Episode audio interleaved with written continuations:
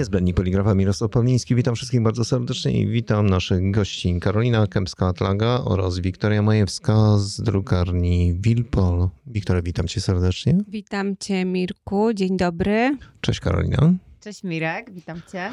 Skoro mamy drukarnię, to pewnie porozmawiamy o tym wszystkim, co się dzieje w drukarni tu i teraz.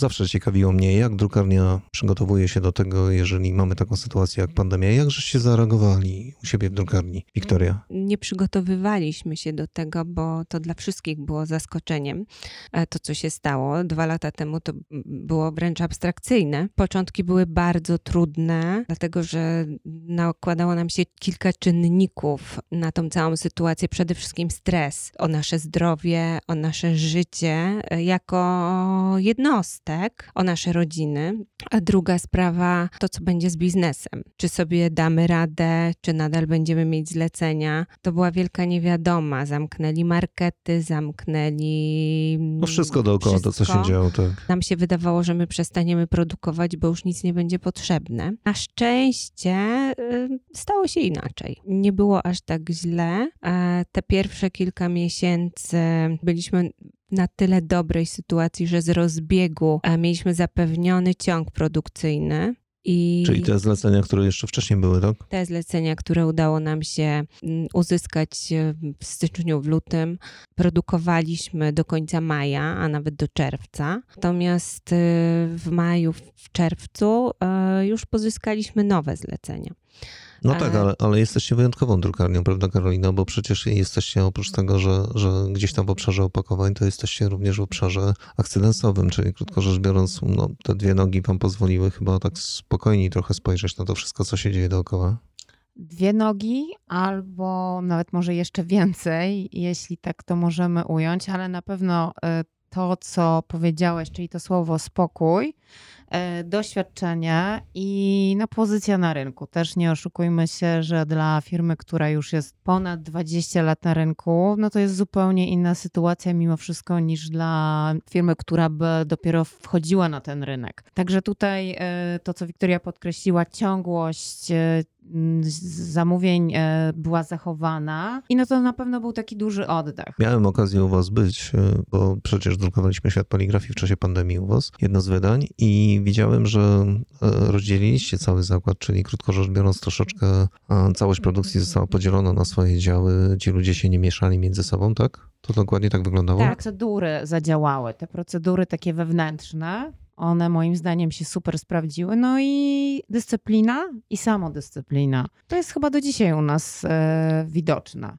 pierwsza reakcja, jeśli chodzi o, o, te procedury z zapobieganiem rozprzestrzeniania się wirusa, no to właśnie było rozdzielenie zmian. Te pół godziny dawało nam to, że w przypadku pojawienia się wirusa w firmie nie zamykali nas wszystkich, bo wiele osób ma ze sobą kontakt. Chcąc, nie chcąc, no mieszamy się ze sobą wszyscy, a w firmie pracuje około 150 osób jeszcze wracając do, te, do tych naszych nóg, jak to Mirek powiedziałeś, a to właśnie to, co Karolina zauważyła, u nas nie tylko są dwie nogi. My, robi, my robimy bardzo dużo POS-ów, robimy też te rigid boxy, więc jest szeroki wachlarz produkcji. Często bywa tak, że opieramy swoją pracę na przykład tylko na jednym segmencie i większość pracowników jest e, przenoszona. Angażowana do... wtedy w konkretny dział, tak? Tak. E, i, I rzeczywiście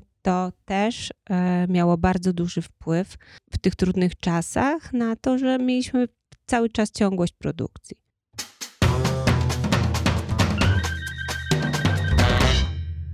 Dzisiaj już jest nieco łatwiej? Inaczej. Nie jest łatwiej, bo dzisiaj mamy wielką niewiadomą związaną z dostępnością surowca. I, Oj, przed chwilą mieliśmy spotkanie z e, gośćmi w, e, tuż przed wami I na przykład niektórzy się pochwalili tym, że odwiedzili drukarnie, które po prostu postawiły sobie nowe magazyny i skupują tony papieru, po prostu to, co jest na rynku do siebie, po to, żeby mieć ewentualnie na następną produkcję. Natomiast to ma swoje konsekwencje, no bo Trzeba ileś... naprawdę duże magazyny postawić, to, to żeby pie... zabezpieczyć tak, tak, sobie. Tak, tak, tak, to jest pierwsza rzecz, a, a druga, że przecież ileś gotówki w to jest no, po prostu zamrożone. Zamrożone, tak. Natomiast y, problem jest y, też taki, że no oczywiście moglibyśmy sobie kupić kilka miesięcy temu bardzo duże zapasy tektury, która była niedostępna, ale teraz już jest dostępna. Bardzo trudno jest przy, przewidzieć, co za chwilę będzie nie, niedostępne, czy offset, czy kreda, czy karton. To się I w jakiej cenie? Y, I w jakiej cenie. To się bardzo e, szybko zmienia.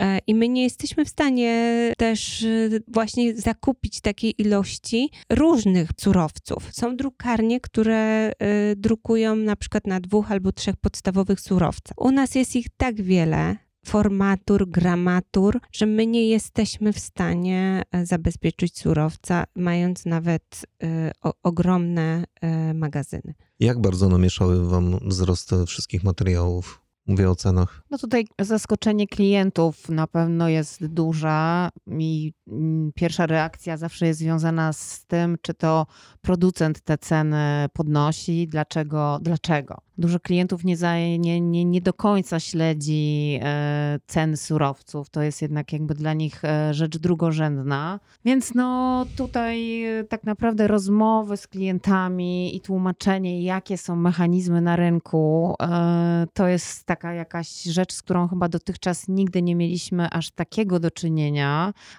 A wiadomo, że stałość cen dla klienta, dla współpracy z klientem, no to jest bardzo ważny czynnik. Więc to jest jest trudne dla nas, e, trudne zadanie, tym bardziej, że te ceny tych surowców nie zmieniają się e, raz na 3-4 miesiące teraz, tylko wręcz z tygodnia na tydzień. Z dostawy na e, dostawę. Tak, niemalże jak w kantorze. Taki kantor się z tego zrobił. Te dostawy oprócz tego, że są niepewne, to są również niepewne cenowo. A słuchajcie, jak to jest, jeżeli chodzi o, o tych klientów? Rezygnują, zmniejszają nakłady, czy po prostu próbują realizować swoje mm, zlecenia tak jak wcześniej. My mamy duże szczęście, bo my współpracujemy z dużymi firmami, które w większości przypadków, bo oczywiście są wyjątki, wiedzą, co się dzieje w danym momencie. Wydawnictwa, gdzie tak naprawdę największą częścią ceny jest właśnie cena papieru, e, jeśli chodzi o produkcję książek, czy firmy, które zlecają u nas formy przestrzenne, to są dość duże korporacje, firmy międzynarodowe mm, i one mając świadomość tego, co się dzieje, akceptują po prostu podwyżki cen.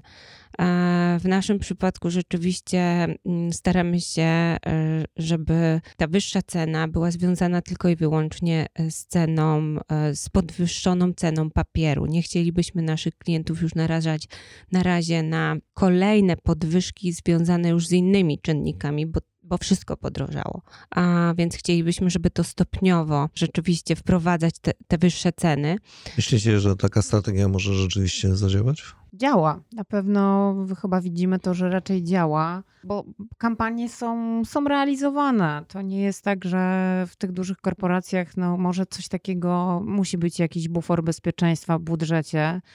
I pewnie to jest y, uruchamiane. Na pewno to działa. Spokój nasz też tutaj ma duże znaczenie, że to, co powiedziała Wiktoria, podkreślamy to, że ta cena, nowa cena, ona wynika z, z zaktualizowanej ceny surowca. Znaczy, żeby była sprawa jasna, ja bardzo podziwiam waszą drukarnię, bo po pierwsze, jak zawsze zbieram opinie na temat drukarni, z którymi współpracujemy, a z, z wami już nam mm, przydarzyło się współpracować nieraz. W historii świata poligrafii współpracowaliśmy wielokrotnie, ale również słyszałem od e, waszych klientów, czyli od e, wydawnictw, że naprawdę jesteście zupełnie inną drukarnią, macie inne podejście, zupełnie inaczej zbudowane relacje i naprawdę podziwiam za sukces, który odnosicie praktycznie każdego dnia. Bardzo nam miło. Staramy się, żeby rzeczywiście tak było. Stawiamy rzeczywiście na te wartości firmy rodzinnej. Staramy się nie być korporacją, gdzie mm, procedury są ponad wszystko, a tylko tak po ludzku podchodzimy też do biznesu.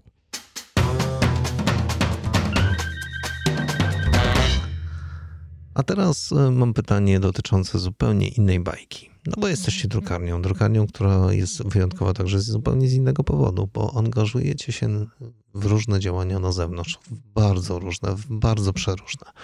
Czy możecie coś więcej o tym opowiedzieć naszym słuchaczom? Karolina. O, Widzę tak, twój uśmiech. Tak się uśmiecham, bo to jest taka wisienka na torcie. O to pytasz. To jest bardzo przyjemna część e, każdego biznesu, czyli troszeczkę odskocznia dla umysłu i potem też efekt jest inny. Najczęściej to jest zadowolenie drugiej strony, mm, której pomagamy bezinteresownie, już nie biznesowo. Z tego nie mamy e, żadnych profitów e, stricte finansowych, ale mamy z tego przede wszystkim największą satysfakcję. A to jest mega sprawa, mega satysfakcja w ogóle z prowadzenia jakiegoś biznesu i pomocy komuś. To jest nieprawdopodobne wręcz. Dlatego to nas cieszy tak zupełnie inaczej. W tym roku e, zaangażowaliśmy się, zaangażowaliśmy się z Wiktorią w modną dosyć akcję, ale chyba nie do końca jeszcze tak widoczną na, na ulicach miast. Ideą crossbookingu e, jest wspieranie czytelnictwa. A wśród, no w tym przypadku Polaków, badania pokazują, że Polacy nadal czytają bardzo niewiele a książki są drogie. I idea jest taka, że każdy, kto chce przeczytać książkę, idzie do miejsca, w którym jest budka z książkami, e, wypożycza sobie taką książkę na zasadzie zaufania, ale w zamian za tą książkę przynosi swoją, e, taką, którą już być może przeczytał i która jest już mu niepotrzebna. To jest oczywiście idea i super by było, gdyby, gdyby rzeczywiście tak się działo. Zgodnie bo, z regulaminem. Zgodnie z regulaminem, bo prawda jest nieco inna i jest to przykre. Książki znikają po prostu. Książki znikają. Książki znikają, dlatego że my robiąc to, chciałyśmy to zrobić na najwyższym poziomie. Mamy na tyle duże możliwości i mamy na tyle dobre relacje z naszymi wydawnictwami, które z nami współpracują, że otrzymałyśmy do mm, zatowarowania budek książki z najwyższych półek, bestsellery. Takie, które teraz, e, jak wchodzimy do księgarni, są na pierwszych e, półkach. I, i, i, I chyba tutaj jest największy problem. Te książki po prostu zniknęły. Niesamowite. Jest to przykre, tak. No dobrze, no dobrze, ale przejdźmy do, te, do tych plusów, nie do tych pozytywów, do tego wyzwania, do tego naprawdę, co jest fantastyczne w tym wszystkim. Ale ja, ja to wierzę w to, że to, że to się będzie zmieniać. E, że to nie będzie tylko taka jednostronna wypożyczalnia, e, czy brzydko mówiąc, taki, taki śmietnik trochę na te książki z lat 70., e, 80., które może czasami treścią one są wartościowe, ale też ich wygląd nie zachęca do tego, żeby taką książkę w ogóle wziąć do ręki. Mm, odnoszę takie wrażenie, że no niektórzy mniej świadomi mm, postanowili po prostu po, pozbyć się, nie do końca wyrzucając, ale zrobili sobie z, takiego, z takiej budki miejsce na, na składowanie niepotrzebnych książek. Także myślę, że to idea jest e, inna. I musi upłynąć e, więcej czasu, żeby społeczeństwo do tego się też przyzwyczaiło. Mimo wszystko u nas jest to, jest to nowość. E, Ale powiedziałyście, że już otwartych jest ile? Pięć? My punktów akurat, takich waszych? E, my akurat otworzyłyśmy, współ, współotwierałyśmy pięć takich budek na terenie miasta, tutaj pod Warszawą to jest to, co my zrobiłyśmy. Natomiast e, ja wiem, że w wielu e, kurortach, e, par, przy parkach, przy szpitalach takie budki funkcjonują. W szczególności dla tych ludzi, którzy no nie mogą książki kupić, bo na przykład są w szpitalu, w związku z tym wychodzą sobie do pobliskiego przyszpitalnego parku i taką, taką książką mogą się tam nacieszyć, zrehabilitować, e, znaleźć sobie jakąś odskocznię. To bardzo działa dobrze w takich, przy takich instytucjach, gdzie ludzie potrzebują oderwać głowę od tych problemów, które którymi żyją w danym czasie. Ale my nie poprzestajemy tylko na tych pięciu. No mam nadzieję. To nie jest tak, e, że, że, że jest te pięć i to już jest koniec, bo mamy jeszcze jedno podwarszawskie miasto teraz e, na, ta, na tapecie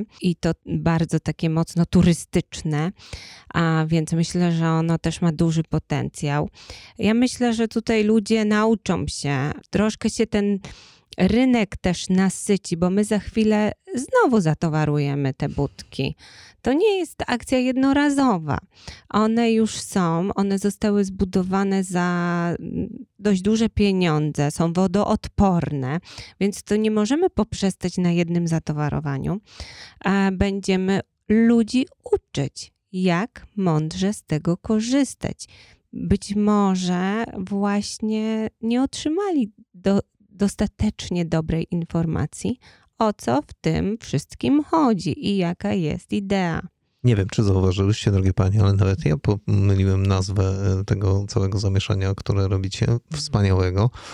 Bo pra- poprawna nazwa to jest crossbooking, zgadza się? Crossbooking, tak, tak, tak. No właśnie.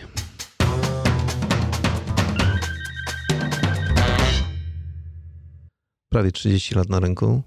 No, genialnie, super.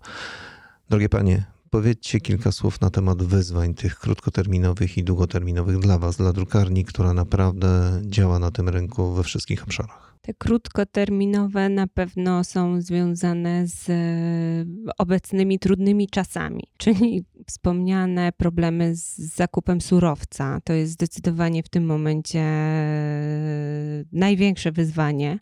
E, Chcielibyśmy sprostać e, potrzebom i oczekiwaniom klientów. Często po prostu nie możemy i nie jest to bezpośrednio związane z naszymi możliwościami produkcyjnymi.